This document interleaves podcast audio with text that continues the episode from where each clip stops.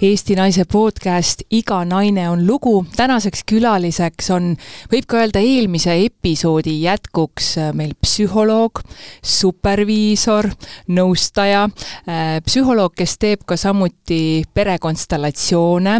ta on äh, ka oma raamatu välja andnud, täpsemalt luuleraamatu. naine, kes näeb välja nagu kuskilt moekataloogist oleks võetud,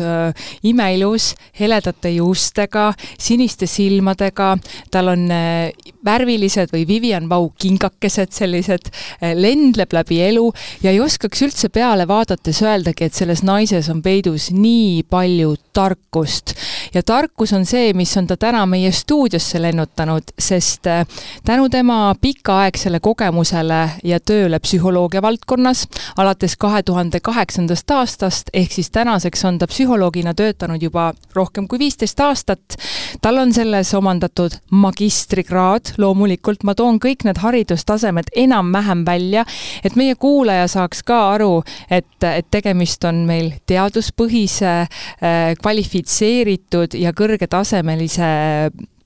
professionaaliga. Äh, tal on kaheksas tase kutsetunnistus koolipsühholoogias ning samuti on tal superviisorina läbinud ESCÜ kvaliteedistandardi seitsmenda taseme. samuti kuulub ta ka Eesti Koolipsühholoogide Ühingusse, Eesti Supervisiooni ja Coaching'u Ühingusse ning Eesti Professionaalsete konstellööride ühingusse. just see viimane teema, professionaalsete konstellööride ühingusse, see on meil ju viimase poole aasta jooksul väga palju kõmu tekitanud, et me saamegi nüüd rääkida ka inimesega, kes kuulub sinna professionaalsesse valdkonda, kui nii võib öelda. see naine on Aada Kesonen, tere tulemast, Aada! No tere, Keti, tegid mind natukene lausa kohmatuks selle sissejuhatusega, aitäh sulle! kuidagi äh, kipub nii minema, et vot isegi sina psühholoogina, kes õpib ju inimeste käitumist ja on ka selline empaatiline ja et, ja et ikkagi märkame teiste sead, siis iseenda kohta on natukene keeruline kuulda, kui kõik see kogu headus ja hiilgus pannakse ühte tutvustavasse nii-öelda liftikõnesse sisse. no jaa, eks ta nii kipub olema, olen ju täiesti tavaline inimene nagu sinagi. no täpselt nii see ongi, meil ju käivadki siin ainult tavalised inimesed ja me räägime tavaliste inimestega, naistega. Ehm, Aada, meie tutvusime sinuga nüüdseks juba, kas oli neli kuud tagasi? viis kuud. no umbes nii. ja, ja mina sattusin sinu juurde läbi äh, Töötukassa, äh, kellele sa siis toona veel pakkusid teenust psühholoogina. ma sain sealt terve listi ette, psühholoogide nimekirju, neid oli seal sadakond, kui isegi rohkem, ja ma hakkasin seda nimistut siis läbi kammima, sest et Eesti Vabariigis on tänaseni, aastal kaks tuhat kakskümmend kolm, vaimse tervise probleemid on esirinnas kõikide, kõikidest teemadest üldse, ma arvan, et sellele järgnevad südame- ja veresoonkonna haigused, ma arvan, vaimne tervis on tõesti number üks. aga samuti on ka selle kättesaadavus üsna keeruline ja, ja sind oli raske leida. kogu guugeldamise võtsin appi, kõik need nimed käisin läbi, kes võiks olla. ja siis otsustasin südame järgi, mõtlesin, ma vaatan sellele inimesele otsa, õnneks jumal tänatud, on tal koduleht, Aada Kesoneni koduleht. vaatasin, kui sümpaatne naine, tema juurde ma julgen oma hinge asju, asjadesse sobrama minna küll. ja nüüd me siis sobrasime oleme päris edukalt juba sobranud, äh, rohkem kui viis äh, vastuvõttu me oleme teinud ja me oleme sinuga ka perekonstellatsiooni teinud, aga sinna kõigeni me veel jõuame. Aada, äh, miks on täna vaimne tervis inimestel nii kreenis ja, ja nagu sinna põhja poole kreenis? Nojah, kas sellele nüüd sellist väga ühest vastust on, et äh, selge on see, et meil on olnud ju mitu aastat, äh, kus meid mõjutas äh, Covid, nüüd üle aasta, kus on Ukraina sõda ja need on väga palju käivitanud. Küll aga eks need vaimse tervise probleemid ikkagi esiplaanil olid ka juba enne Covidit. noh, seal on väga palju erinevaid põhjuseid mida on ka, mida on ka noh, meedias ja igal pool ka teised professionaalid välja toonud, et üks asi on see, et meil on kiire, me ei oska enda eest väga hoolitseda. kas see on probleem? see on probleem, kui tekib ületöötamine sellest, kui sa ei võta enda jaoks aega, sa ei puhka piisavalt, sa ei liigu piisavalt, sa ei söö tervislikult, ühesõnaga, et sa ei hoolitse enda eest ja sa ei hoolitse ka heade suhete eest enda kõrval see on siis see, mis äh, tegelikult juhtus minuga. et me leppisime Aadaga kokku, et äh, me ei saa tema patsientidest rääkida või klientidest, klientidest., aga mina oma lugu olen täna valmis kuulajaga jagama, et äh, mis tööd meie oleme teinud ja mis minul oli, need kõik, mis sa minu kohta nimetasid, jaa, läks, läks täkkesse küll. meil on kiire, me ei hoolitse enda eest, mis veel on juhtunud, kuidas siis see Covid on meid mõjutanud nii suurel määral? No üks asi on see, et see oli midagi ootamatut, millist kogemust meil ei ole. Ja see kogemus võib erinevatel inimestel tuua välja erinevad äh, probleemid.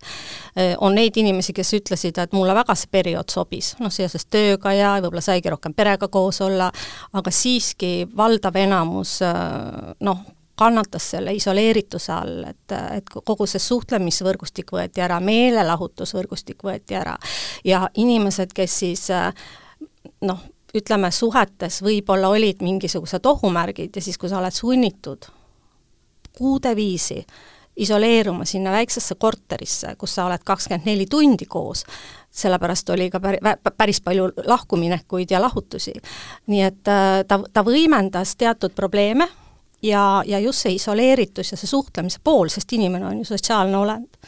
Kui paljud nendest probleemidest äh, reaalses elus jõudsid sinu kabinetti? no nad on mõjutustega, et keegi ju ei ütle, et näed, nüüd mul oli Covid ja vot nüüd mul on need ja need asjad, et et inimesed tulevad ikka oma, oma noh, kas siis raskete tunnete pärast või mingisuguste elusituatsioonide pärast, et, et see probleemi esitus psühholoogile võib olla erinev. aga no siis me hakkamegi uurima, et mis, mis on seda nüüd võimendanud või mis on seda põhjustanud, et see on selline uurimistöö. Aada, kuidas ma saan aru, missugune on päriselt hea ja võimekas psühholoog? palun ütle mulle sina. sul on palju kolleege, te olete kõik inimestena väga erinevad, igalühel on omad plussid-miinused, aga kui ma nüüd olen seal katki, ma olengi läbi põlenud, ma olen väsinud, mul ongi depressioon, mis on veel diagnoosimata, ka sina ütlesid mulle, et, et kui ma ei oleks psühhiaatri juures juba käinud, et sa ilmselt soovitaksid mulle tabletiravi, sest seis oli selline toona, et äh, kuidas ma siis aru saan, et see on õige, sest väga paljudel juhtub ka seda, käisin psühholoogi juures, tead, väga nadi oli, ei taha rohkem minna, täiesti mõttetu. Noh, eks ma alati ka soovitan seda, et kui ikkagi esimene psühholoog isiksuslikult ei sobi või, või mis iganes muus mõttes, siis ma soovitan alati vahetada. Ehm, kui noh, see on ka kliendi vastutus, et kui ta ükskõik mis teraapiasse või psühholoogi või ka konstellööri juurde läheb, et ta noh, uuriks natukene tausta. et mis on tema väljaõpe, et mis on tema haridus, kui pikk on tema töökogemus. lihtsalt Google'ist leiangi selle no, siis? üks asi on see, et Google'is leida jah, et kui ikkagi on nii nagu minulgi on koduleht, sul tegelikult on ju enam-vähem äh, pilt selge. aga see ei garanteeri ka seda, et, et meil tekib sinuga see omavaheline hästi hea sünergia ja klapp, nii et et mõnikord ongi see selline natukene katse-eksitus, aga üks asi on kindel, et kui sa tunned, et, et ei ole see nagu päris õige, siis ei ole mõtet jätkata seda käimist, see ei ole kummalegi kasulik sest inimesed on nii nagu päriselus, osadega me sobime, osadega ei sobi. ja siis ütlengi, et et tead, et ütlengi ausalt, et tead, Aada, ma, ma tunnen, et mul ei ole sinust mingit tolku või kas öeldakse hästi rä-, kuidagi ebaviisakalt või kuidagi jämedalt ka, et ma ei tea, et sa oled nii mõttetu või mida sa ka tead ei, või sellist asja ei ole? ei, minul ka sellist kogemust ei ole, aga küll on vahetatud erinevatel põhjustel. et kas siis äh, ta on leidnud, et mingi metoodika sobib talle rohkem, mida mina ei ole õppinud, äh, või ka noh, näiteks mõni meesterahvas nagu tunneb, et, et ta võib-olla pigem tahaks meesterahvaga arutada teatud teemasid. Äh, aga üldjuhul lihtsalt kaotakse ära või ei panda enam järgmist aega, et see on selline tavapärane. nojah, et keegi, noh, niisugune eestlane ikka hiilin vaikselt minema psühholoogi eest. millal ma saan aru veel, et, et vot nüüd see on õige psühholoog ja mul tuleb tema juurde tulla? No sa pead selle ära proovima, ega ei teagi ja, ja kui minu käest ka väga sageli küsitakse, et noh, näiteks soovita mulle mõnda pereterapeuti või mõnda teist psühholoogi, noh, mis iganes põhjustel, keda kas mina nõustada ei saa või ta näiteks vajabki pereteraapiat või baariteraapiat, siis äh, ma võin anda, mul on väga ägedad kolleegid, keda ma nagu noh, tõesti väga usaldan ja nad on suurepärased professionaalid, aga ma ütlen sinna alati kõrvale, et, et aga kui sul ei teki seda inimlikku klappi, siis vaheta. ja siis nad vahetavadki? No see on hea soovitus, nii et jätke see palun endale ka kõrva taha. kui ma olen nüüd äh, psühholoogi leidnud, siis äh, võib olla keeruline see esimene minek, sest mõtled, et aga mida ma talle siis räägin, mida mul on talle rääkida? Kuidas siis valmistuda selleks esimeseks seansiks, sest ma tean, hästi paljudel on see hirm, on, tõsiselt on endal ka, kui kogemus puudub, mis me siis nüüd teeme, hakkan seal iseenda probleeme lahkama või appi, et mõni kardab emotsionaalne olla, äkki hakkan nutma. et mis see, mis see soovitus on, missugusena minna siis või mis, mis meelestatusega? no kõige suurem soovitus on, et mine kohale ja usalda spetsialisti.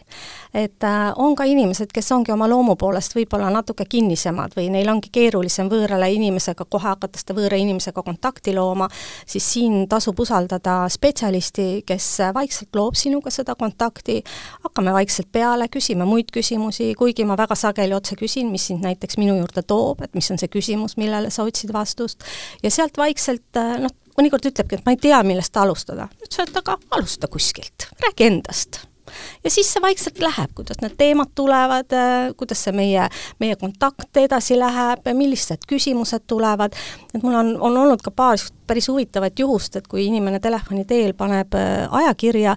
ja siis niimoodi vaikselt küsib, et kas te küsimusi ka küsite? ma ütlesin, et noh, see peaks olema minu töö põhi, põhi nii-öelda element, mida ma kasutan. ja noh, siis ikkagi ka selgub, et tõesti, nagu sa ütlesid, et mõned psühholoogid noh, kuulavad passiivselt, et nad ei tee aktiivset kuulamist, nad ei peegelda tagasi, et ka see on üks märk, et kui, kui ta ütleski, et esimene kord on ju, jube hea ennast täiesti tühjaks rääkida, aga teine ja kolmas kord ainult monoloogi pidada, et, et sa saad aru, et see ei aita sind. vot nüüd ongi küsimuste küsimine, see on täpselt nagu ajakirjanike töös on ka, et või saatejuhina, et kuidas ma leian selle õige küsimuse. Teie õpite seda spetsiifikat ju aastaid, et, et on seal siis mingi konkreetne struktuur, kuidas siis tuleb hakata nagu, et mille järgi sa saad aru, et mingi küsimus, millele sa saad teatud vastuse, annab siis selle, ahaa, tal võib olla see või kuidas see käib? No algaja, algaja spetsialistina tõenäoliselt see mingisugune struktuur või mingid esmased ettevalmistused aitavad, aga kuna ma olen seda tööd juba nii pikalt ja nii palju teinud, et ma ei, ma ei oska isegi sellele vastata, et see tuleb kõik nagu sellisest loomulikust äh, kogemusest või või äh, et ma ei mõtle enam väga selle peale, et ma nagu usaldan seda protsessi, et see superviisori väljaõpe noh, andis nagu nii palju sellist kindlust või julgust või õigemini meid treeniti selleks äh, määramatuseks, sest see, mis meil sinuga nõustamisruumis toimub, on tegelikult määramatu meie mõlema jaoks, sellega toimetulek ja see, et usalda seda protsessi, mis kahe inimese vahel hakkab toimuma no tõepoolest äh,, iga kord, kui ma Aada vastuvõtul olen käinud, siis ma kunagi ei tea, mis saama hakkab ja ükskord me leppisime kokku, et me teeme konstellatsiooni, perekonstellatsiooni. kuidas sa aru said, et mul seda vaja on? No ma võib-olla küsimustega lihtsalt suunasin sind sinnapoole, et sa hakkaksid mõtlema oma pere- ja suguvõsa mustrite peale, et kas seal on midagi, mida saab tõlgendada või mida, kus sa saad iseenda jaoks mingisugust selgust, et mis võib olla korduv või et kelle või mille, mis asju sa üle oled võtnud oma perekonnast või suguvõsast. ja, ja, ja no lihtsalt see oligi selline meie omavaheline dialoog, kus ma noh, andsin sulle lihtsalt sellist mõtteainet, et et kas, kas see, kas see võiks olla sinu jaoks kuidagi noh, sinu uskumuste ja väärtustega kooskõlas või et kas see on see midagi, millest sa võiksid võib-olla saada abi või kasu mm. -hmm. ja siis me leppisime kokku selle aja, konstellatsioon kestab poolteist tundi. no vahest kaks. vahest isegi kaks, vot, ja muidu tavaline vastuvõtt meil on nelikümmend viis minutit sessioon, et siis me planeerisime pikema aja, et teate, mis siis juhtus, ma olin seal ja ta ütleb, sa pole valmis, et täna me ei tee sulle konstellatsiooni. ja siis ütles, et äh, mõtle, miks sa tahad selles depressioonis olla, et äh, mõtle, mõtle selle peale, et kas sa ikka tahad siit välja tulla? küsisid, et kas sa tahad siit välja tulla ja miks sa tahad. ja see, ja see oli juba sessiooni nagu, ja see oli selline tuumküsimus, mis hakkas mind käivitama kuidagi sisemiselt. ma tean, et sa tead, et sa tahtsidki mind käivitada kuskilt sealt äh, kivi alt, et ma olin juba natuke muutunud selliseks, defineerisin, et mina ja võrd-, panin võrdusmärgi depressioonile. natukene oli ju nii mitte ei haletsenud, aga nagu kuidagi olin nagu seal augus ja siis see trigerdas mind, mõtlesin, mis mõttes mina nüüd ei saanud seda perekonstellatsiooni tehagi, et me leppisime ju kokku ja ja siis ma hakkasin, aga aga miks ma tahan olla, et, et miks ma kardan, mis siis tuleb selle asemele, kui ma depressioonis enam pole, ja me lahendasime nii mitu küsimust ja kõige olulisemaid teemasid ära.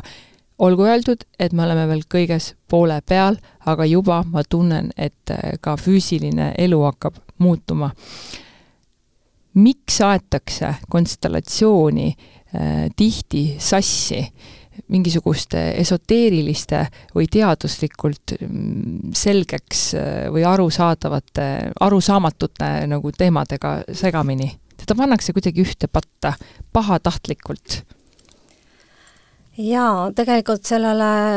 vastus on, ma arvan, väga-väga pikk, ma võin konstellatsioonidest rääkida väga pikalt ja palju, aga tulles korraks tagasi selle, selle küsimuse juurde, et, et miks sul seda, seda depressiooni vaja on mm, -hmm. et pigem me uurisime ka seda, mis kasu sulle hetkel depressioon annab.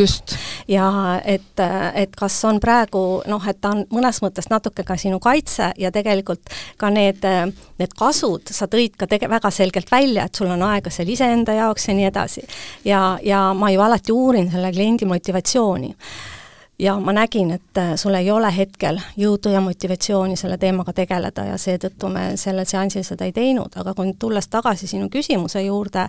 siis äh, kui inimene millestki midagi ei tea, siis ta hakkab ise tõlgendama ja ega noh, inimesed ju ei vaevu uurima, et et kust see konstellatsioon tulnud on või Bert Hellinger, kes selle meetodi rajaja on, et mis on see tema taust. et ta oli äh, alguses teoloog, äh, käis missionärina ringi, äh, ta elas suulude juures, kus ta uuris sellise ürgse suguvõsa või selle kogukonna nii-öelda dünaamikaid, äh, nende, nende rituaale, äh, mismoodi seal sellises väikses kogu, sulet-, suhteliselt suletud kogukonnas nii-öelda need põlvkondade mustrid äh, väljenduvad nii nende tund-, tundmustest, käitumitest kui rituaalides. pärast seda ta õppis ka pereteraapiat, mis on tegelikult mm, noh, kõige rohkem alustalaks konstellatsioonidele, sest see filosoofia, et uurida põlvkondade üleseid traumasid, raskusi ja mustreid ja käitumisi, mida noh, pereteraapias noh, võib-olla rohkem keskendutakse kolmele põlvele, et lihtsalt on edasi läinud sealt äh,, konstellatsioonid lähevad sealt veel edasi. Äh,, kuigi see filosoofia, et konstellatsioonidel on taga selline väga noh, erinev filosoofia, et kuigi metoodikad on kõik või mingid, ta on integreeritud, Ellinger integreeris kõigest, mida ta õppis, ta õppis äh, transaktsionaalset analüüsi äh,, ta õppis protsesside meet-, metoodikat äh,, siis äh, gestalti, need on kõik tunnustatud teraapiaviisi, viisid ja ka nii-öelda perestruktuure, mis on Virginia Satiri loodud, skulptuuri siis ja ta lõi nii-öelda oma metoodika tegelikult kõikidelt, kõikidest nendest integreeris, mis on tegelikult teaduspõhised, nii et et me ei ole nagu oma ühingus nõus, et me oleme pseudo, pseudoteadused, et see, et see ei ole veel ma rõhutan veel, äh, teaduspõhiseks saanud, sest uuringuid on vähe, ei tähenda automaatselt seda, et see on pseudoteadus. aga kui sa sinna esoteerika juurde tood, et ähm, või, või selle teema viid, siis noh, inimestel on õigus valida, mis neid aitab. Ja selles osas äh, ma ei saa siin kellelegi midagi öelda, mida ta valib, äh, või et mis on tema uskumused. Ja me peame austama inimesi, kes leiavad oma hingele valu läbi esoteerika ja see on nende valik ma siinkohal, noh, ma proovin oma sõnadega olla selline suhteliselt ettevaatlik, aga ka konstellööride seas on konstellööre, kes kasutavad sellist esoteerilist keelt või, või kes pigem äh, noh, ka teevad võib-olla pigem mingite oma varem õpitutega sellist esoteerilist konstellatsiooni. ja see ei Aga ole vale või? noh, selles mõttes klient valib, mina, minul mm -hmm. ei ole õigus öelda, mis on valib. vale või õige mm. -hmm. aga jah. meie ühingus me propageerime või me liigume selle professionaliseerumise suunas. ja meil nüüd ühingul täituski, ehk siis Eesti Professionaalsete Konstellööride Assotsiatsioon, mida ma siis lühidalt äh, kasutan, sõna ühing, sai nüüd äh, viieaastaseks ja me avasime nii-öelda avapauguga oma oma juubeliaasta ja meid ootab ees või meil on juba kolm podcasti valmis, meil on podcastide sari äh, konstellatsioonidest professionaalselt ja, ja hakkame, kohe esimene tuleb ka välja ja, ja kuskil kümmekond oleme plaaninud salvestada ja sealt saab, ma arvan, küll kuulaja sellise väga hea pildi sellest, mis konstellatsioonides toimub. Aada, aga võib-olla on ka siin selline jällegi, et ma toon paralleeli, et kui mina olin depressioonis halvas kohas, siis oli see, et mi, miks sa siin oled ja mis see sulle annab. võib-olla ka see, et, et konstellatsiooni kohta on olnud viimase poole aasta, aasta jooksul hästi palju sellist äh, furoori äh, nii-öelda just sellise pseudoteadusliku poole pealt ja võib-olla see panigi teil selle sütiku tööle, et me oleme viis aastat siin tegutsenud, mitte keegi meist mitte midagi ei tea, teeme selle podcast'i ära, hakkame nüüd kuidagi natukene elu elama. kas see või olla hoopis nii, et see andis teile ka tõuget juurde? No eks ta aitab meil ka ikkagi ütleme, selle kriitilise pilguga ja iseenda peale vaadata, et et äh, me oleme nüüd paari viimase aastaga teinud väga suure töö ära, et meil on ühingu kodulehel on näha kõik äh, üldse see kontseptsioon Hellingerist, meil on eetikakoodeks valmis ja hästi suur märgiline tähendus on see, et meil umbes kuu aega tagasi võtsime vastu koolitusstandardid, mis siis tähendab, et need kolm kooli, kes praegu õpetavad konstellööre, et kui nad soovivad, see on vabatahtlik, EBKA kvaliteedimärki, siis edaspidi saavad konstellatsioone teha ainult neil, kellel on kõrgharidus ja teatud arv tunde psühholoogiast ehk siis eelteadmisi, sest konstellöör peab valdama väga hästi teadmisi traumast, isiksuse häirest, arengupsühholoogiast, äh, psüühika ja isiksuse häiretest, nii et kui te valite konstellööri, see on teie kliendi vastutus, siis uurige seda tausta, sest need kellel noh, võib-olla ei ole seda nii suurt ettevalmistust, siis nad pigem võib-olla saavad seda konstellatsiooni teha sellises äh, diagnostilises mõttes, nad ei saa, neil ei ole pädevust töötada väga sügavate teemadega.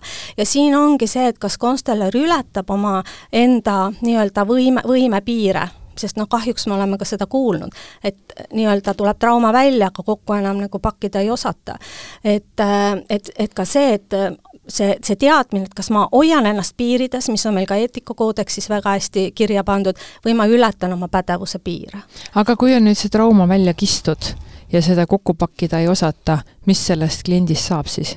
no kliendi võimekused, õnneks on inimese psüühika ikkagi üsna hästi loodud, et loomulikult äh, kahjustada võib absoluutselt igas teraapias, et selles osas me ei ole nagu kuidagi teistest erinevad, et eks siin ikka on ka kuulda, et, et vot tegin konstellatsiooni ja, ja, ja mis iganes kõik juhtus, aga tegelikult ka kõik teise valdkonna terapeutidel on alati see oht ja alati on teatud arv, keda võib-olla ka kistakse lahti, aga kokku ei panda ja, ja, ja ka mina ei ole sellest kaitstud vaatamata sellele, et mul on päris pikk ja hea akadeemiline taust. et see kuidagi ikkagi käib ka natuke selle juurde, aga noh, mis siis on? mõni kas siis läheb mujalt abi otsima, mõni lihtsalt kannatab, mõni satub ka psü-, psühhiaatria valdkonda, nii et, et need on tõsised teemad ja selleks, et neid vältida ja seda minimaliseerida, ongi see, et me liiguksime sinna professionaalse, professionaalsuse suunas, kust meist saaksid sellised tunnustatud ja võrdväärsed partnerid, ega pereteraapial võttis ka päris kaua aega, et kui neid hakati aktsepteerima, ükskõik mis uus suund tuleb, seal on alguses väga palju kriitilisust ja see kriitika, et me ei ole veel teaduspõhised, on ju tegelikult adekvaatne mm, -hmm. sest meil on need mõned uuringud, kus on päris palju puudusi, eelkõige selles, et seal ei ole äh, kontrollgruppi, äh, noh siis me, on näha küll seda positiivset dünaamikat, aga see ei ole teaduspõhiselt veel nii-öelda tõsiseltvõetav. nii et kõik, kes plaanivad näiteks, tahavad teemat oma doktoritööks või ka magistritööks oh., siis me ühinguna hästi ootame, et võtke meiega ühendust, et, et hakata seda fenomeni uurima. see võib olla ka nii, et jooga näiteks kümme aastat tagasi Eestis ei olnud nii populaarne või,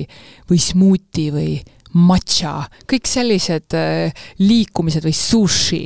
viisteist aastat tagasi, et see tundus selline veider või kuidagi kõik uus, et eks me natuke püüame puksida välja kõike seda, mis, äh, mida me varem veel ei ole kuulnud, mida me ei tea, kõik, mis on võib-olla natukene hirmutav ja, ja võib-olla ka neid asju, milles me peame jälle iseenda sisse rohkem vaatama hakkama ja kaevama sealt äh, sügavuti, et see ei ole lihtne. palun ütle mulle, miks on rääkivaid psühholooge pigem vähe. Neid, kes julgevad äh, tulla, teil on mingi oma ring. see juhtub nagu muusikute ja kõikidega, meil on nagu, me oleme kõik omas, me elame nagu oma mulli sees. psühholoogid on omakeskis, arstid on omakeskis, kõik sõbrustavad nagu eraldi. siis on artistid omakeskis, siis raadioinimesed, kas see on see, et kuna te teete niigi kogu aeg tööd ja aitate kõiki inimesi, siis, siis see oleks nii suur lisakoormus, et minna, ma ei tea, kas intervjuule või kuidagi välja pakkuma või kuidas, kuidas nagu noh, miks te vaikite avalikkus suures meediaruumis? no ma võib-olla päris ei ole sellega sinuga nõus. väga hea sest kuna ma olen ka väga palju seotud just äh, koolipsühholoogide ühinguga ja olnud ka mingid aastad seal juhatuses ja, ja tegelikult ka olles kutsekomisjonis ja eetikakomisjonis, et et see, selle valdkonna panustamine on ka olnud mulle missiooni teema ja koolipsühholoogide poole tegelikult meedia pöördub päris sagedasti ja tegelikult me ka jagame need esinemised siin noh, omavahel ära, kes siis saab minna ja ma arvan, et päris palju on koolipsühholoogiast räägitud. Äh, supervisioonis samamoodi, seal on ka juubeliaastaks valmis hulga podcast'e, nii et äh, kõik see, mis me omalt poolt teha saame, et supervisioon hakkab ka nii-öelda rohkem arusaadavamaks saama, et äh, noh, ütleme siis eesti keeles töönõustamine, töö jõustamine ja, ja on ka konverentsid, meil oli esimene suur, esimene supervisioonikonverents, coaching'u konverentsid on olnud juba aastaid, nii et, et ennast nähtavaks teha ja võib-olla konstellööridena ongi olnud see natukene niisugune pelglik libe jää, et mis minu lausest või sõnast või väljendusest jälle meedia kinni võtab, kuna me veel kord ütleme, me ei saa öelda, et me veel oleme täiesti teaduspõhised, kuna meil ei ole veel uuringuid. aga see ei tähenda, et metoodika ei tööta või et, või et, et teatud inimesed abi ei saa, aga meil on alati ka neid, kes käivad, teevad oma töö ära ja kehitavad õlgu ja noh, nii ongi, et et tegelikult see areng ja see päris muutumine toimub päris elus. ja,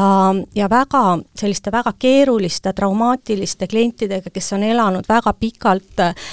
noh, keerulises perekonnas, kus ongi alkoholism ja vägivald, siis äh, seal ei ole ju ühe konstellatsiooniga mitte midagi teha, et et seal on vaja, kui on ravimid peal, koostöö psühhiaatriga, äh, pidev käimi-, noh, ütleme, kä-, noh, pöördumine kas siis kliinilise psühholoogi poole, kes siis aitab sellel inimesel ikkagi mõtestada lahti oma elu ja muuta oma mõtteprotsesse ja konstellatsioon võib sellisel juhul aidata et et ta näeks seda suuremat pilti, et ta näeks, kus need düsfunktsioonid tema perekonnas on, et miks need tema vanemad nii ol-, nii käitusid või mis valu või mis äng nendel oli. või, ja kust nemad oma toimetulekuoskused said. ja, ja see võib nagu aidata natuke rohkem sellele paranemise teele, aga noh, me saame ju aru, et ühe konstellatsiooniga ja kui keegi konstellööridest lubab, et ta teeb teid terveks või kõik paraneb, siis see ei ole adekvaatne mm.. no meie tegime konstellatsiooni nukkudega, puidust nukkudega ja ja probleem või see nii-öelda lähteülesanne oli ju see, et miks ma töötan ennast üle, miks ma põletan ennast läbi. Ja, ja, ja siis me ikkagi ju väga ootamatult läksimegi siis sinna konstellatsiooni, no mitte ootamatult minu, minu soovile, nõusolekul loomulikult, aga vaata, ma ei oleks selle peale tulnudki. et, et kui ma töötan iseennast ja oma valikutega surnuks, mitte ükski tööandja ei sunni kedagi midagi tegema, vaid see on minu enda valikud olnud, et sellel võib taga olla hoopis mingi muu mure, mis peitub paar sugupõlve tagasi. võtsime need nukud, siis meil oli, selgus, noh, minult selgus seal igasuguseid väikeste laste mm, minu sugulaste siis nagu hukkumist väga noorest east ja lapseeast ja siis sealt tulenevalt tekkiski siis minu sisse ka sellised erinevad, erinevad äh, nii-öelda emotsioonid, võib-olla käitumismallid, tõekspidamised. näiteks äh, hea asi, mida öelda äh,, vanaisa, ma ütlesin, ütlesin kohe, et, et aa ei, aga mul ju ei ole vanaisasid olnud. ja siis äh, sa parandasid mind, et, et on ju küll olnud aga sa pole lihtsalt neid näinud et ähm, see tegi tegelikult väga suure muutuse, et ähm, kui kogu aeg oli see tunne, et ma pean üksi kõigega hakkama saama, sest et äh,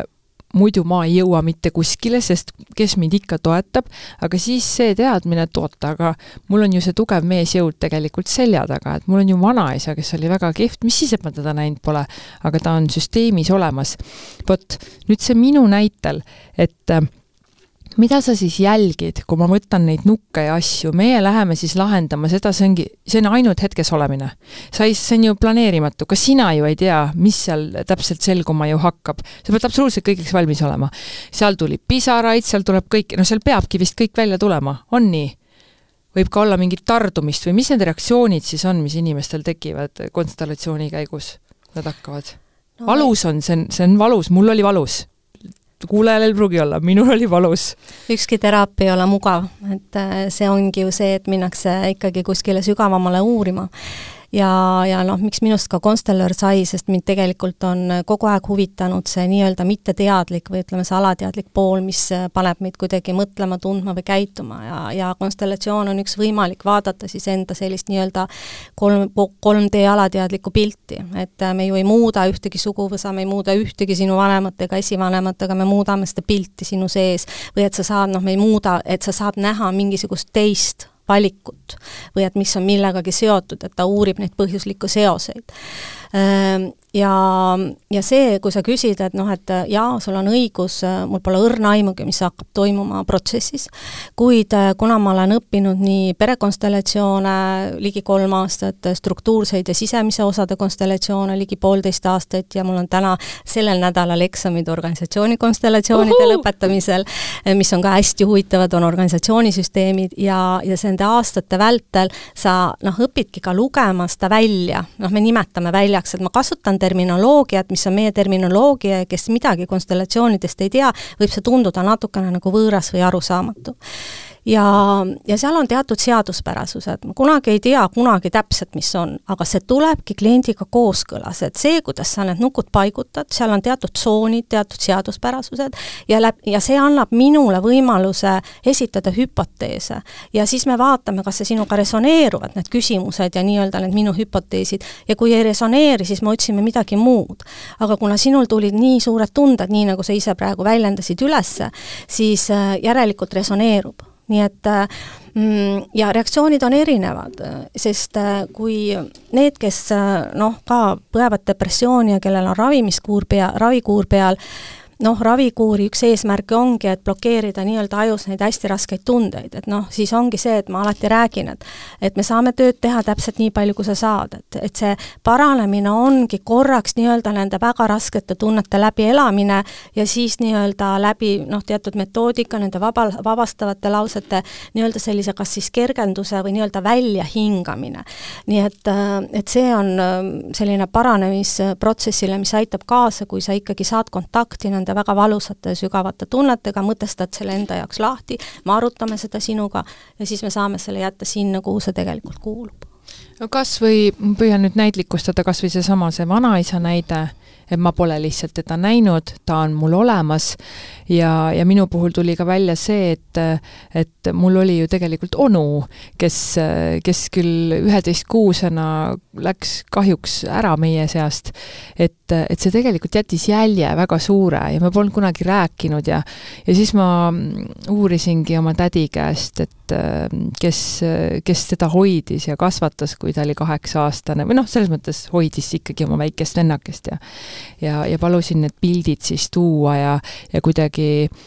ja käisin ta haua peal nüüd, viisin küünla, äh, ta on valka maetud ja rääkisin juttu, panin selle pildi, siis tegin äh, telefoniga pildi, panin ta veel sinna ja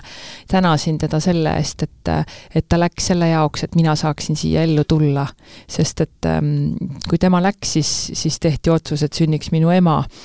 et, äh, et mis võis olla minu vanaema jaoks väga-väga raske, et sealt, sealt tuli jällegi nii palju sellist, sellist äh, mõistmist. Ja, ja samas jällegi hästi suurt tänutunnet ja sellist arusaamist ja siis ma mõtlesingi, et et meil on ikka väga vaprad ja, ja tugevad mehed on olnud äh, selja taga. Ja midagi on minus väga palju muutunud. Me oleme sellest omavahel rääkinud ka. Ja kas ongi nii, et äh, kui üks, ütleme, on paarisuhe ja üks pool hakkab ennast endaga tegelema, enda nende valukohtadega, neid kraapima ja aina sügavuti lahti mõtestama ja neid uurima ja parandab endas need mingid mõttemustrid ära, muudab need ära, kas siis võib juhtuda suhtes, et üks hetk taipad, et kas see ikka on see, et, et kas meil on tark koos edasi minna? See võib olla nii ja see võib olla naa. et kui ma paaridega töötan, siis äh, minu selline tavapärane praktika, mis ma pean tunnistama, et päris kõik korrad ei ole hästi toiminud, kuna ikkagi tegelikult üks pool nendest ei ole valmis, tulevad mõlemad koos mulle individuaalsesse konstellatsiooni ja kui üks teeb töö, siis teine istub kõrval, ehk siis ta on selles infoväljas. järgmine kord teeb teine töö ja, ja teine partner istub kõrval. aga noh, jälle tuleb vaadata, et see ei ole võluvits konstellatsioon, et seal noh, meil on ka kõigi palju teisi teraapiaid, teraapiaid ja me väga sageli suuname nad kas siis paariteraapiasse või pereteraapiasse, sest konstellatsioon ei õpeta suhtlemisoskuseid. ja kui on paaris äh, probleem ja üks pool hakkab tegelema, et võib olla ka nii, et mingid asjad paranevad, aga see võib olla ka nii, et ühel hetkel sa saad aru, et noh, me ju valime oma partnerit ka nii-öelda noh, kuidas ma ütlen, lähtuvalt oma sellisest traumadest ja sellest oma kogemusest, et noh, nii-öelda oma hooldajate järgi, mis on sulle tuttav. ja kui sa mingid asjad enda ees mindset'id ära või et noh, et muudad või näed asju teisiti, siis võib juhtuda, et partner on enam, enam ei vaja sind sellisena, kui sa oled nii-öelda natuke teadlikum või, või kuidagi midagi endas ära ära tervendanud ja, ja võib minna ka teistmoodi. nii et äh, jah, see on selline, jälle selline küsimus, et, äh, et millel ei ole väga selget vastust. aga võib-olla, kui sa, kui sa nüüd nagu seda oma lugu rääkisid ja need vanaisad ja siis see, see vä, vä, väiksena lapseeana surnud onu, et ma võib-olla siia lisan, et hästi kiiresti need kolm baasseadust, millega konstellatsioonid töötavad, et kõikidel on õigus kuuluda suguvõssa, aga mida väga sageli tehakse, noh näiteks abieluvälised lapsed, aborteeritud lapsed või mõni väike laps, kes ongi surnud, see on nii valus, et temast ei räägita, ei mõelda, või kuhugi sõjatandrile jäänud vanaisa, kellest mitte midagi ei teata ja nii edasi, siis äh, kõikidel on tegelikult õigus kuuluda sinna suguvõssa ja, ja teine on äh, hierarhia, ehk siis kõik peavad olema oma koha peal, ehk siis igalühel meil on ikkagi suguses selline hea koht, ma ei räägi õige koht, aga niisugune hea koht, kus äh, ikkagi meil on hea olla ja väga sageli me ei ole, me oleme kuskil mingit, mingites põimumistes või kordumistes. ja kolmas on siis see andmise-võtmise seadus, ehk siis see tasakaalu seadus. ja väikelaste surmad väga sageli mõjuvad niivõrd laastavalt emale, sest noh, matta oma väike laps. et see on nii suur valu, et kas siis ei suudeta isegi leinata, oma tunded bloke-, blokeeritakse ära ja seetõttu ei ole ta emotsionaalselt võib-olla nii kättesaadav oma nii-öelda elus olevatele lastele ja sealt hakkab see dünaamika peale, et ma ei saa oma emalt seda, mida ma tahan, või ma ei saa oma isalt seda, mida ma tahan, kuna see lein ei ole võimaldanud olla emotsionaalselt kättesaadav teistele, et noh, mis on ka mujal psühholoogias ju täiesti noh, elementaarne või arvestatav suund. Aga seda on võimalik lahendada, see ei ole võluvits, aga sellega on võimalik tegeleda nii, et, et see ei jää elu lõpuni nii-öelda takistajaks. just. mis veel on konstellatsioonis midagi sellist nii olulist ja põhjapanevat, mis, mida me veel ei tea ja miks me peaksime katsetama ja proovima? no ei pea ju, et selles ei pea, me ei peagi mitte midagi, lihtsalt et, et lihtsalt, kui see metoodika tundub sulle nagu arusaadav, sest mina, kui ma esimest korda umbes kaksteist, kolmteist aastat tagasi sellest kuulsin, noh, ma olen nüüd üle kaheksa, peaaegu kaheksa aastat töötanud ikkagi igapäevaselt konstellöörina, siis äh, mul resoneerus nii tugevalt, et noh, ma võin öelda, et see oli ikkagi selline armastus esimesest pilga, silmapilgust, millest ma päriselt tahtsin rohkem teada saada, sest ma ei saanud aru. aga ma olen üleüldiselt selline uudishimulik elu vastu, et ma tahan nagu asjadest aru saada saada. ja noh, sellel ajal Eestis ei olnud võimalik õppida ja esimese kursuse info, kui Olga Kniaseva, kes siis oli esimene, kes hakkas Eestis õpetama, minuni ei jõudnud, küll aga kaks nädalat enne teist kursust jõudis see info minuni ja ma olin kahe nädala pärast koolis nii et hakkas üks niisugune väga eriline ja vinge teekond äh, minu jaoks peale. aga mis on oluline, on sinu enda motivatsioon ja tahe, sest äh, kui sa oma peegelneuroneid nii-öelda sisse ei lülita, mille, mis on üks nii-öelda võib-olla väike selgitusviis, kuidas see nii-öelda väli või, või kuidas see kõik toimib ja lisaks ka morfogeensed väljad, ma ei hakka neid täna rohkem lahti rääkima, nende kohta on võimalik lugeda ka internetist, siis kui seda enda sügavat valmisolekut ei ole, siis ei saa ka konstellöör aidata, sest konstellöör ei, nagu ma ütlesin, ei võta ära sinu sümptomit või, või ei saa vabastada sind selles mõttes äh, no kuidagi muuta sinu elu, aga sa saad konstellööri abiga vaadata, millega see veel võib olla seotud. Ja see ei ole ka ainuõige tõde, et et sageli on hea kombinatsioon, kui seal kõrval on veel muu teraapia, noh mina, kellel mul on ka muud pikad väljaõpped, et et siis ma saan nimetada ka konstellatsiooni terapeutiliseks protsessiks, kui me teemegi siin tööd, siis me vahepeal räägime niisama, noh, selles mõttes kasutame puudutan kas muid metoodikaid või me, või me vaatame, kuidas see igapäevane toimetulek võiks olla veel parem või mida sa ise saad veel teha, ja siis võib-olla mõne aja pärast teeme jälle ühe töö, sest noh, neid töid ei tehta tihti, ja siis ma saan öelda, et seal on terapeutiline protsess taga, sest selle sõna teraapia koha pealt meil on ka ühingu sees olnud palju vaidlusi, et äh, algselt ikkagi oli see, et see konstellatsioon ei ole teraapia, aga teraapia mõiste üldse elus on pra-, noh, praeguses tänapäevas palju muutunud ja ütleme ausalt, see on ka reglementeerimata. ja, ja, ja konstellatsioon ei, ei, ei, võib olla teraapia, aga võib ka mitte olla teraapia, et see sõltubki sellest väljaõppest ja ettevalmistusest. et kui sul seda väljaõpet ja ettevalmistust ei ole, siis sa ei saa teha teraapiat, noh, sealt tuleb võib-olla, ja kuna uuringutes kasutatakse sõna konstellatsiooniteraapia, siis me praegu oleme ka võtnud selle termini kui konstellatsiooniteraapia. aga jälle ma pean oma väljendustega väga ettevaatlik ma olema. ma saan aru, sa nii jubedalt kardavad meediat, mis on täiesti arusaadav, arstid ka kardavad ikka nagu, et kui midagi kuskil valesti, mitte ainult meedia või siis, et kolleegid ja teekaaslased siis võivad natukene oi-oi-oi, ütlesid seda, et äh, ma siis ütlen ka, et see on meil selline vabas vormis ja mina jagan oma kogemust ja, ja räägime mitte nagu sõbrannased, aga meil on ikkagi niisugune kliendi ja, kliendi ja terapeudi suhe või hästi huvitav jälle selline dünaamika, kuidas ma satun inspireerivate inimestega kokku ja Aada on kindlasti üks nendest. seda me vist arutasime ka, eks ju, et kas ma tulen seda podcast'i juhtima või mitte. kas mäletad? ei, siis ma juba ütlesin jah no ta ei peagi meeles pidama ja teie nägite, tal on suu lukus, isegi kui ta oma patsient või klient küsib midagi, siis ta ei tea, pole näinudki.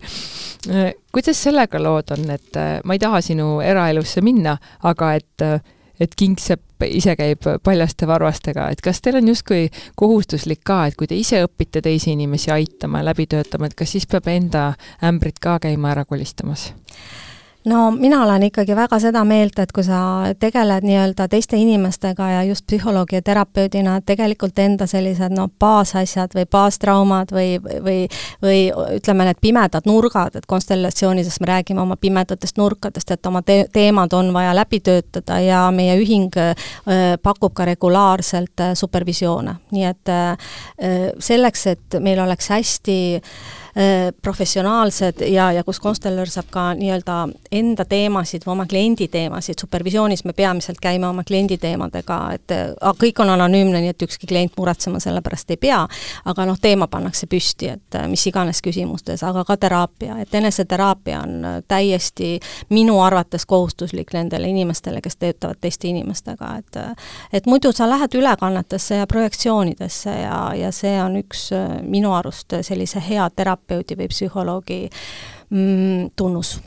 ja on ka nii, et ega siis headest psühholoogidest ja terapeutidest ei tule ju mitte kunagi puudust. jaa, nii on. mis sa järgmiseks hakkad tegema siis? sul on äh, väga pikk see hariduskäik ja sa oled elukestev õppija ja toimetaja, et mis see järgmine suur plaan on või kuidas, kuidas siis, kuidas siis saaks seda taset jälle tõusta, tahad sa meile jagada? No eks mul mingil hetkel võib-olla on, on niisugune väike mõte, et võib-olla noh, nii kaua on seda tehtud ja, ja õpitud, et võib-olla mingis vormis ka hakata juba teisi õpetama, aga noh, see idee on veel, et selles, selles osas ma sellest täna nagu ei ole valmis pikemalt rääkima, ega ei nõuagi, aga mm -hmm. mõttepalli saab õhku visata ja eks ta kuskil süsteemis võib-olla tööle hakkab juba. Aada, kui ma täna olen sellises olukorras Eh,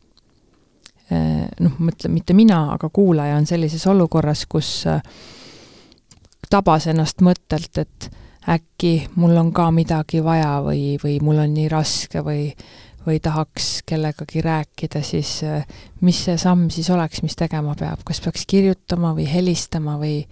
või kuidas ma tean, kui ma kardan näiteks. mis on täiesti iseenesestmõistetav, et üldse kuhugi võõra inimese juurde minna ja teadmisega veel, et sa pead kuidagi väga isiklikke asju hakkama rääkima, et et aga ületada see hirm ja, ja küsida kas tuttavatelt soovitusi, sest noh, mina pean tunnistama, et mul tegelikult valdav osa ikkagi kõik, kõik läheb, tuleb nagu see läbi soovituste. et äh, ma ei ole väga pidanud ennast kuskil reklaamima, nii et äh, või siis tõesti guugeldada, vaadata, nagu sa ütlesid, et ka juba see esimene visuaalne pilt, noh, mis võib olla ju ka petlik, et sa ei saa päris pildi järgi vaadata terapeuti, aga kuidagi tekib see mingi tunne, et võib-olla usaldada seda sisetunnet. ja, ja kui see petab selles mõttes, et nagu ma ütlesin, et ei, leiad, et ei ole sobiv, siis vaheta. aga ma tahaksin väga julgustada, et pole ühtegi probleemi, ei ole liiga tühine, kui see ikkagi kuidagi segab või see kuidagi tiksub kuklas või õhtul magama minnes keerleb peas, et sellega, sellega, sellest siis mitte spetsialistiga rääkida. ja peaasi.ee on ka väga-väga palju soovitusi, et kindlasti tutvuge ka selle leheküljega, et mida te ise saate, seal on need vaimse tervise viis vitamiini, et mida te ise saate enda jaoks teha, aga pöörduge, et see peaks olema normaalsus, et ei, et, et kuidagi ületage see hirm ja ja otsige keegi, kellega te koos saate siis arutada ja siis pannagi plaani paika, et et mis võiks aidata, milline teraapiaviis võiks aidata, milline lähenemine võiks aidata. nii et äh, ma tahaks julgustada mina julgustaksin ka, sest äh, ma olen käinud ka väga erinevate spetsialistide juures, erinevates eluetappides ja aga praegu kuidagi ma tunnen, et ma leidsin nii-öelda leidsin selle, kelle, kellest mul on kuidagi kõige rohkem abi või mul on tihti olnud see, et mida ta aga teab, ta ei ole artist, ta ei ole meediainimene, kuida-, noh, ta ei saa ikka üldse must aru, tihti mul on olnud, mitte, mitte sinuga, aga mul on varasemalt seda tunnet olnud. ja kuidagi, et no mis asja, täitsa mõttetud, mida ma siin teen. aga, aga mida aeg edasi, seda rohkem ma saan aru, et kuidas ma ise jälle tahan tulla tulla, tahan sinu juurde tulla ja, ja ennast avada ja arutleda ja koostööd tuleb teha. vahepeal on hästi ebamugav ja siis, ähm, ja siis mina olen teinud sedamoodi, et küsin, et mis harjutuse sa mulle seekord annad ükskord oli, et pidin oma suhtemustrite peale mõtlema, et kõigis midagi, midagi ühist justkui pidi olema, oligi. nüüd on mul harjutus see, et, et see mina, see minu tasakaal, et nüüd ma seda balansist ära ei pane, et äh, varasemalt oli see enesehooldus, nüüd me jälle jõuame ringiga sinna tagasi. et, et see enese eest hoolitsemine, et see trenn ja oma aeg ja vaikus ja rahu, et äh, eks te saate minu pealt ähm, seda vaadata ka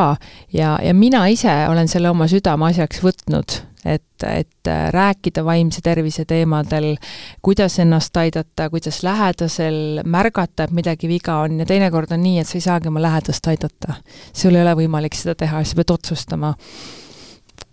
kui lähedane ta sulle on, et kas on, kas on mõistlik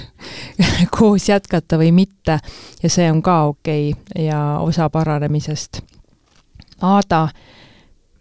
mida sa veel soovid Eesti naisele öelda, mida nad täna kõige rohkem tahaksid kuulda? Ma tean, et psühholoogidel on see, et sa ei tohi nagu oma, sa ei tohi projitseerida mingit oma mõtet neile, aga, aga midagi sellist ikka on või mis on see psühholoogide üldine sõnum selline, me kindlasti oleme seda täna juba käsitlenud ka, aga aga nagu, mida te tahate Eesti naistele öelda? no see psühhosotsiaalne harimine käib ju ikka kõikide nii-öelda vaimse tervise valdkonna spetsialistide juurde, et äh, võib-olla korraks äh, peatuda ja seisatada ja küsida, et äh, kus ma elus olen praegu erinevates valdkondades, vist ongi oma hobid, oma peresuhted, oma töö, eh, oma tervis ja, ja, ja, ja kuidagi nagu mõelda, et milline see valdkond praegu on võib-olla kõige tasakaalu, noh, kõige rohkem tasakaalust väljas. et suunata see energia sinna, et tasakaalustada just seda valdkonda, kus on võib-olla kõige suuremad noh, sellised nii-öelda sinu arvates puudused. Ja kindlasti mõelda, mis on minu vajadused et kes neid saab täita, kas neid saab täita ja mis ma iseenda jaoks saan teha, kas ma olen neid piisavalt väljendanud. ja võtta aega, et nii, mulle nii meeldib, nii nagu Fred Jussi ja praegu äh,